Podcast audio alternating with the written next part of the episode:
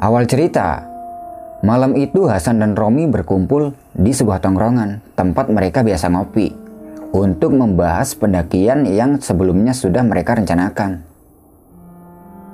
Oh iya, mereka berdua ini bisa dibilang masih pemula dalam hal pendakian.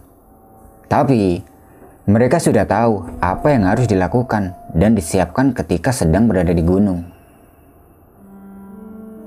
Setelah cukup membahas rencana pendakian yang akan dilakukan dua hari ke depan, mereka semua pulang dari tongkrongannya.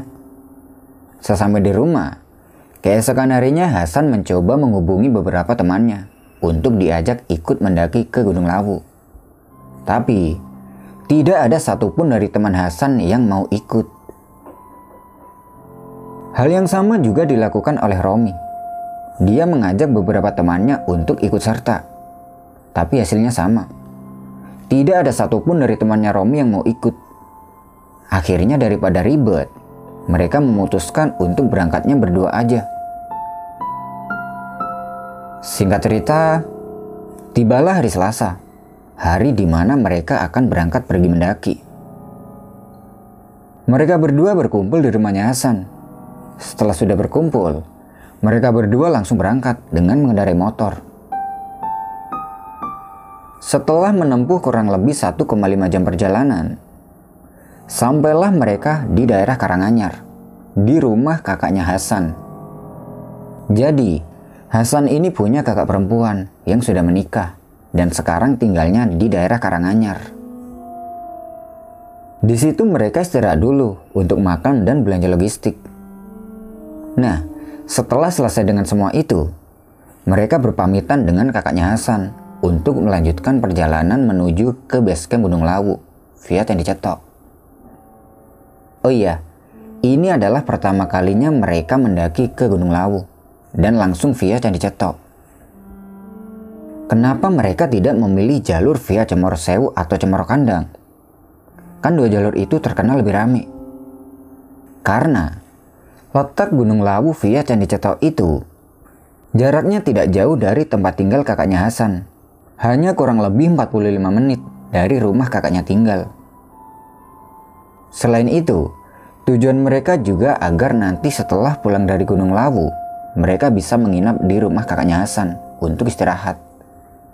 Dan di sisi lain, mereka berdua ini tidak begitu mempercayai tentang hal-hal mistis.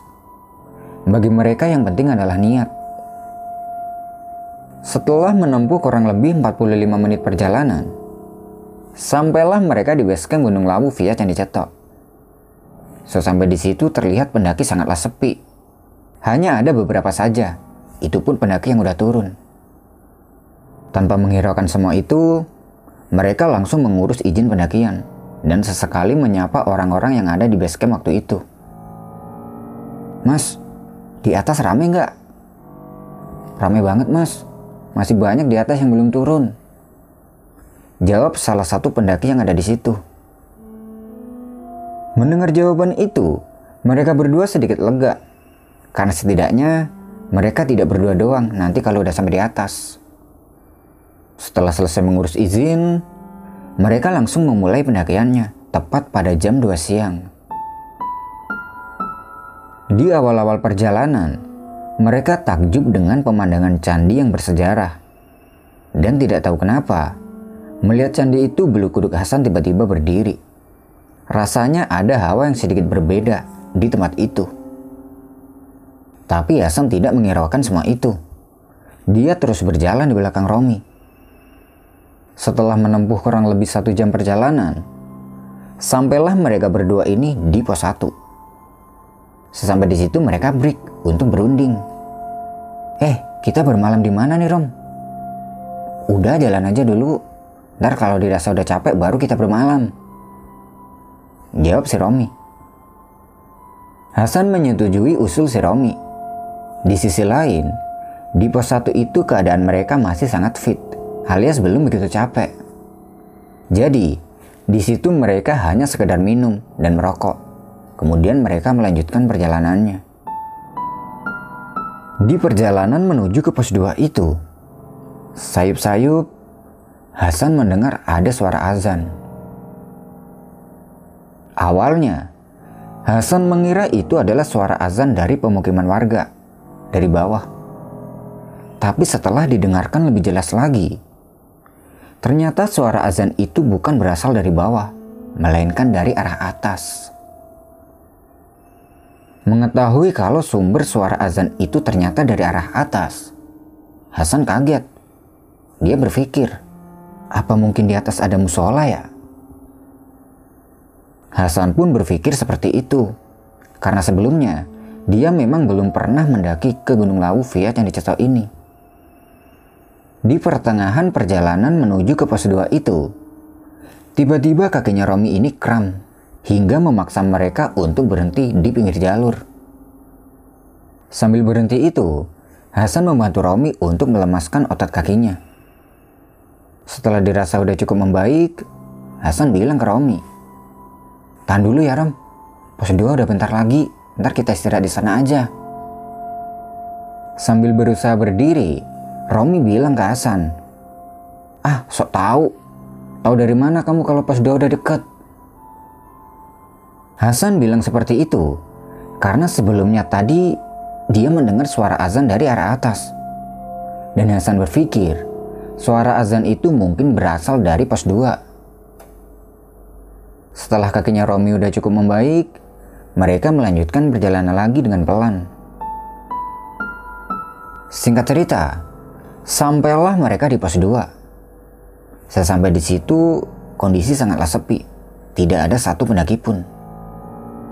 Karena hari sudah sore dan untuk menghindari perjalanan malam, mereka memutuskan untuk bermalam aja di pos 2. Mereka mendirikan tenda di depan bangunan kayu tepat di bawah pohon yang cukup besar. Setelah tenda sudah didirikan, mereka mengeluarkan kompornya untuk membuat kopi sambil menunggu malam tiba. Nah, ketika mereka sedang asik minum kopi dan ngerokok itu, Hasan teringat dengan suara azan yang tadi didengarnya. Tadi, Hasan mengira kalau suara azan itu bersumber dari pos 2 ini. Dan mungkin di pos 2 itu ada musolanya. Tapi setelah mereka sampai di pos 2 itu, ternyata tidak ada musolanya. Jangankan musola, satu pendaki pun tidak ada. Di sini Hasan berpikir, kalau di pos 2 nggak ada orang, terus suara yang azan tadi suara siapa dan dari mana? Hasan tidak begitu memikirkan hal ini semakin jauh. Dia mengira Mungkin suara azan tadi memang bersumber dari bawah, dari pemukiman warga. Nah, ketika sedang memikirkan hal itu, sayup-sayup, suara azan itu terdengar lagi dari arah atas. Mendengar itu, Hasan bilang pada Romi, Ram, diem dulu. Dengerin. Dengar suara azan gak? Mendengar itu, Romi diam dan dia coba mendengarkan apa yang dikatakan Hasan itu. Tapi Romi sama sekali tidak mendengar ada suara azan. Yang dia dengar hanyalah suara angin yang berembus di hutan. Suara angin kalisan? Mana mungkin ada suara azan kedengaran sampai sini? Jawab Romi pada Hasan.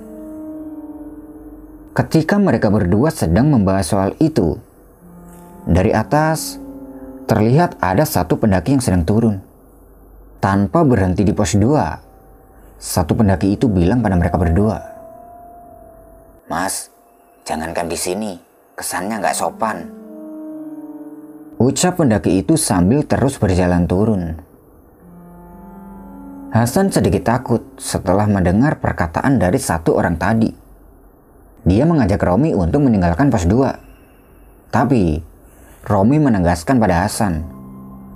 Gak apa-apa San, tenang aja. Yang penting niatnya. Kita ke sini kan gak ada niatan jelek.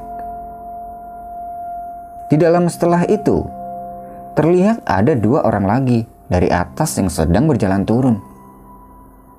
Sesampai dua orang itu di pos dua, mereka menyapa Hasan dan Romi.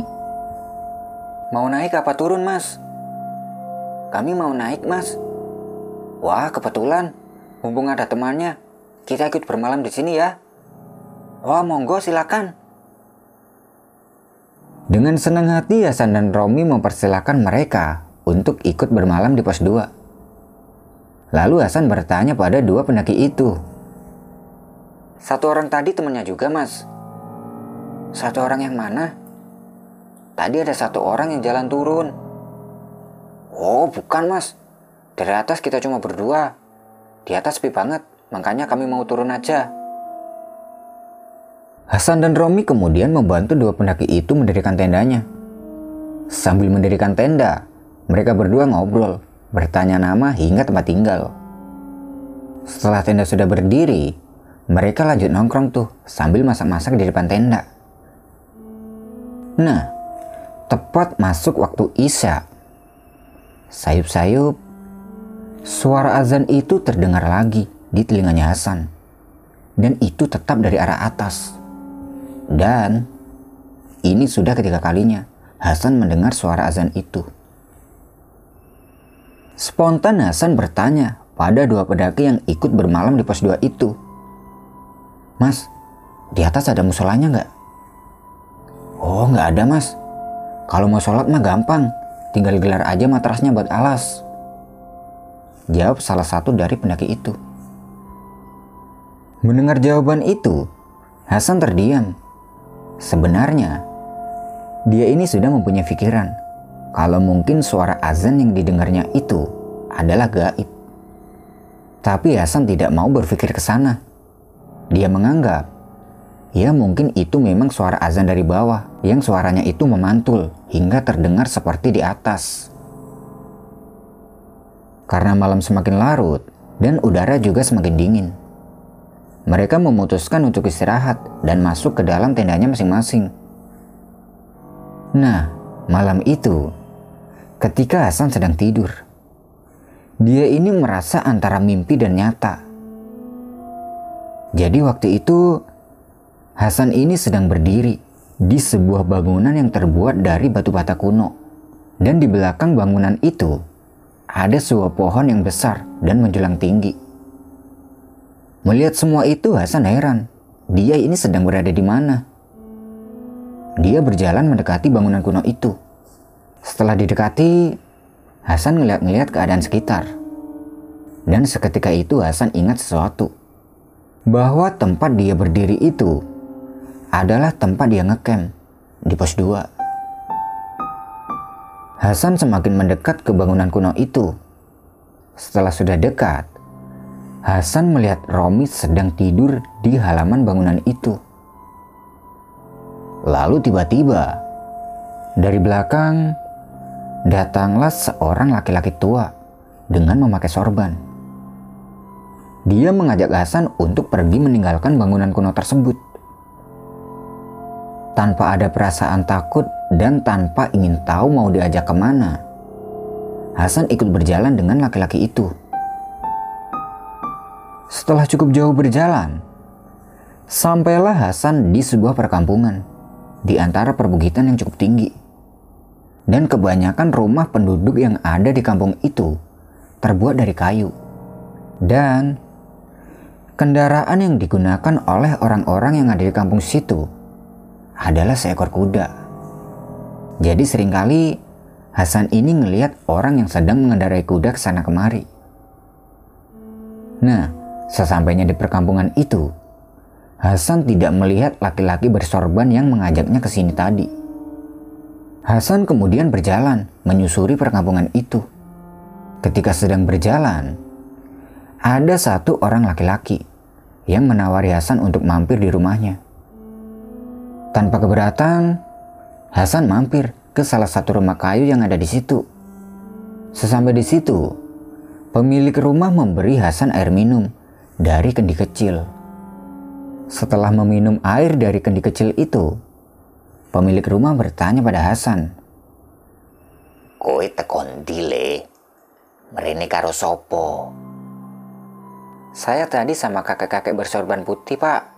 Tapi sekarang saya tidak tahu dia di mana. Yo wis, dintekno sik banyune ben seger. Setelah menghabiskan air dari kendi kecil itu, dari kejauhan terlihat laki-laki bersorban putih itu melambaikan tangannya pada Hasan. Seolah-olah dia ini sedang memanggil Hasan. Melihat itu Hasan berpamitan dengan laki-laki pemilik rumah itu. Dan tidak lupa dia berterima kasih karena sudah memberinya air minum. Dia berjalan mendekat ke laki-laki bersorban itu. Sesampainya di situ, laki-laki itu mengajak Hasan untuk berjalan lagi dan entah ke mana. Anehnya, tanpa ada rasa ingin tahu mau diajak ke mana, Hasan menurut dengan laki-laki itu dan ikut berjalan bersamanya menyusuri perkampungan ini. Sambil berjalan itu, Hasan melihat-lihat keadaan sekitar yang terdapat banyak orang yang sedang beraktivitas. Ada yang sedang menggendong anaknya, ada yang sedang mencangkul, dan lain-lain. Layaknya di sebuah perkampungan. Setelah cukup lama berjalan dan terlalu fokus melihat keadaan sekitar, laki-laki yang bersama Hasan tadi itu tiba-tiba hilang tanpa sepengetahuannya. Hasan hanya terus berjalan hingga akhirnya dia sampai di sebuah keramaian dengan banyak orang yang sedang berjualan. Nah, dari banyaknya orang yang sedang berjualan di situ, ada satu penjual yang membuat Hasan tertarik untuk melihat dagangannya. Penjual itu adalah kakek tua, dan barang yang dijualnya itu adalah benda-benda antik. Ada lampu kuno, ada congklak yang terbuat dari kayu, dan lain-lain. Setelah didekati, penjual itu bertanya pada Hasan. Arab tumbas opo le? Oh enggak pak, saya cuma mau lihat-lihat aja. Lalu, pandangan Hasan tertuju dengan salah satu benda yang ada di situ. Dipeganglah benda itu sama Hasan dan dilihat-lihat. Setelah dilihat-lihat, ternyata benda ini adalah cerutu rokok yang bentuknya sama persis seperti tanduk, hanya saja ukurannya lebih kecil. Hasan sedikit tertarik dengan benda itu. Dia berniat menanyakan harga benda itu pada penjualnya, tapi tidak jadi Mengingat waktu itu, Hasan tidak membawa uang sepeser pun. Melihat Hasan yang sepertinya tertarik dengan benda itu, dengan ikhlas, kakek penjual itu memberikannya kepada Hasan. Tapi Hasan menolaknya karena dia merasa tidak pantas menerima pemberian itu. Kemudian, Hasan meninggalkan kakek itu dan dagangannya. Nah, Ketika Hasan sedang berjalan, dari kejauhan terlihat ada laki-laki bersorban putih yang sedang melambaikan tangannya pada Hasan. Kemudian, Hasan meninggalkan kakek itu dan dagangannya. Nah, ketika sedang berjalan, dari kejauhan, Hasan melihat ada laki-laki bersorban putih sedang melambaikan tangannya memanggil Hasan. Dan Kejadian yang sama terulang lagi. Hasan ikut berjalan dengan laki-laki bersorban putih itu. Hingga sampailah dia di sebuah perkampungan lain. Yang kebanyakan rumah penduduknya terbuat dari batu bata kuno. Hasan benar-benar takjub melihat pemandangan kampung ini. Ketika sedang asik melihat-lihat pemandangan sekitar. Sayup-sayup, dari kejauhan Hasan mendengar suara azan. Seiring suara azan itu berkumandang, tiba-tiba kabut turun sangat tebal hingga menutupi pandangan Hasan. Disusul dengan langit yang tiba-tiba menjadi gelap hingga Hasan tidak bisa lagi melihat apa-apa. Dan di saat yang bersamaan, Hasan merasakan dingin di sekujur tubuhnya hingga dia ini susah untuk bergerak. Tidak lama kemudian, yang ada dalam pandangan Hasan kali ini adalah cahaya berwarna kuning setelah diperhatikan, ternyata waktu itu Hasan sedang berada di dalam tenda. Dan cahaya kuning itu adalah cahaya senter yang sebelumnya mereka gantungkan di atap tenda. Setelah sadar itu, Hasan hanya tercengang memikirkan kejadian yang baru saja dialaminya. Itu rasanya sangat nyata, atau mungkin cuma mimpi. Masih dalam posisi tidurnya, dia melihat jam tangannya yang sudah menunjukkan jam 4 pagi. Karena tidak ingin terus kepikiran tentang kejadian yang dialami barusan, dia keluar tenda untuk membuat kopi. Nah, ketika dia sudah berada di luar tenda itu, dia ingat sesuatu. Bahwa tempat dia ngecamp ini, tadi Hasan melihat di situ adalah sebuah bangunan dari batu bata kuno, persis dengan pohon besar di sebelah tendanya berdiri. Tidak lama kemudian, Terlihat salah satu pendaki sebelah sudah bangun. Udah bangun mas? Ucap pendaki itu pada Hasan. Oh udah mas, monggo-monggo, ngopi dulu. Jawab Hasan. Satu pendaki itu bergabung dengan Hasan untuk membuat kopi. Dan singkat cerita, pagi pun tiba. Sekitar kurang lebih jam setengah enam pagi, Romi bangun kemudian disusul dengan satu pendaki lainnya. Setelah mereka semua sudah bangun, mereka semua masak-masak untuk sarapan. Dan setelah selesai dengan semua itu, dua pendaki yang semalam ikut bergabung dengannya itu berpamitan untuk melanjutkan perjalanan turun. Hasan dan Romi pun berkemas untuk melanjutkan perjalanan naik. Ketika akan berjalan meninggalkan pos 2, Hasan teringat lagi tentang kejadian yang semalam dialaminya. Dan Hasan menganggapnya itu hanyalah mimpi. Perjalanan kembali dilanjutkan sekitar pukul 7 pagi. Pos demi pos pun mereka lewati. Hingga sampailah mereka di area yang dinamakan bulak peperangan. Sesampainya di bulak peperangan itu, Hasan tersentak karena sepertinya dia sudah berada di sini sebelumnya. Hasan yang sudah melupakan tentang mimpinya semalam, sesampai di bulak peperangan dia teringat lagi bahwa ini adalah sebuah perkampungan dengan rumah kayu. Tapi yang terlihat sekarang, tempat ini hanyalah tanah kosong. Hasan ingat betul dengan mimpinya itu. Kalau sebelumnya, tempat ini adalah sebuah perkampungan. Karena dia menandai bukit yang ada di antaranya itu. Ketika sedang berjalan melewati area itu, dia ingat lagi kalau di titik ini dia ditawari laki-laki untuk mampir ke rumahnya dan memberinya air minum. Nah, melihat Hasan yang sepertinya gelisah, Romi bertanya, "San, kamu kenapa? Kok kelihatan bingung gitu?" "Eh, nggak apa-apa, Rom. Keren aja tempat ini," Jawab Hasan yang tidak ingin mengatakan tentang apa yang dirasakan itu kepada Romi. Singkat cerita, sampailah mereka di Kupakan Menjangan sekitar pukul 4 sore. Sesampai di situ, terlihat sangat sepi. Tidak ada satu pendaki pun yang ngecamp. Di situ mereka istirahat. Sambil merokok, mereka berdua ini berunding mau bermalam di sini atau gimana.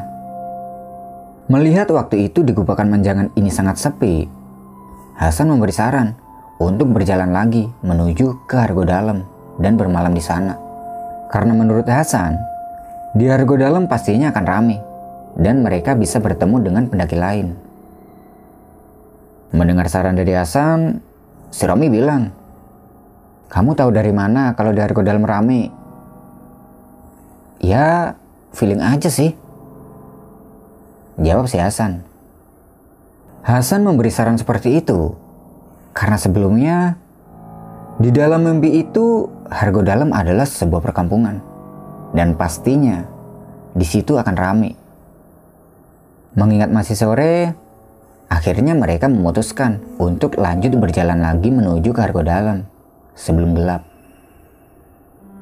Di perjalanan menuju ke Hargo Dalam itu, tepatnya di Pasar Dieng, Hasan teringat lagi bahwa di dalam pandangan yang sebelumnya, tempat ini ramai oleh penjual. Dan di tempat ini, Hasan sempat ditawari cerutu oleh orang tua penjual benda antik. Melihat semua kejadian ini, Hasan yakin kalau yang dilihat sebelumnya itu bukanlah mimpi, tapi entah apa, karena semua itu sudah menggambarkan tempat yang sama. Singkat cerita, sampailah mereka di Argo Dalam, tepat masuk waktu maghrib. Sesampai di situ mereka lekas mencari tempat untuk mendirikan tendanya. Karena malam itu mereka akan bermalam di Argo Dalam. Dan malam itu, di Argo Dalam terlihat banyak pendaki lain.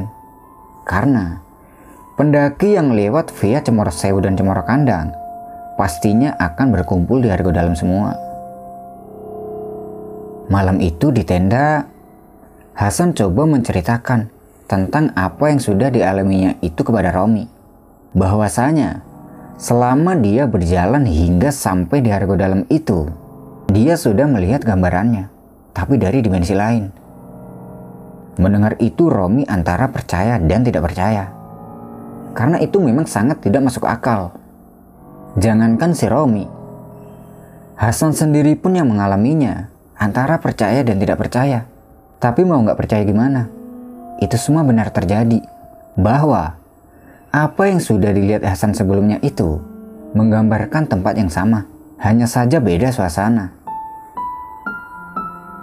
Akhirnya, Romi memberi saran pada Hasan untuk tidak terlalu memikirkan soal itu. Dan dia juga berharap semoga tidak terjadi sesuatu pada mereka selama berada di gunung ini. Malam itu mereka tidur dengan nyenyak. Dan singkat cerita, sekitar jam 5 pagi, mereka berdua bangun untuk melanjutkan perjalanan ke puncak Gunung Lawu. Nah, sesampai di puncak mereka berdua sangat senang dengan pemandangan yang dilihatnya. Setelah puas di puncak itu, mereka kembali turun ke Argo Dalam. Di perjalanan turun, dari atas Hasan bisa melihat Argo Dalam dan di situ dia flashback lagi. Karena Hargo Dalam itu sama persis dengan perkampungan yang terakhir dilihatnya. Yaitu perkampungan yang kebanyakan rumah penduduknya terbuat dari batu bata kuno. Di sini Hasan benar-benar yakin bahwa yang dilihat sebelumnya itu bukan mimpi. Dan dari sini Hasan juga percaya bahwa Gunung Lawu memang menyimpan misteri tersendiri. Singkat cerita, sampailah mereka kembali dari Argo Dalam, tempat mereka ngecamp tadi. Setelah istirahat sebentar, mereka berkemas dan akan melanjutkan perjalanan turun siang itu juga. Di perjalanan turun, sesekali mereka bersimpangan dengan pendaki yang akan naik dan tidak lupa untuk bertutur sapa dengan mereka. Sesampainya kembali di base camp, mereka istirahat sebentar Kemudian lanjut pulang ke rumah kakaknya Hasan di Karanganyar untuk bermalam di sana. Baru keesokan harinya mereka pulang ke Klaten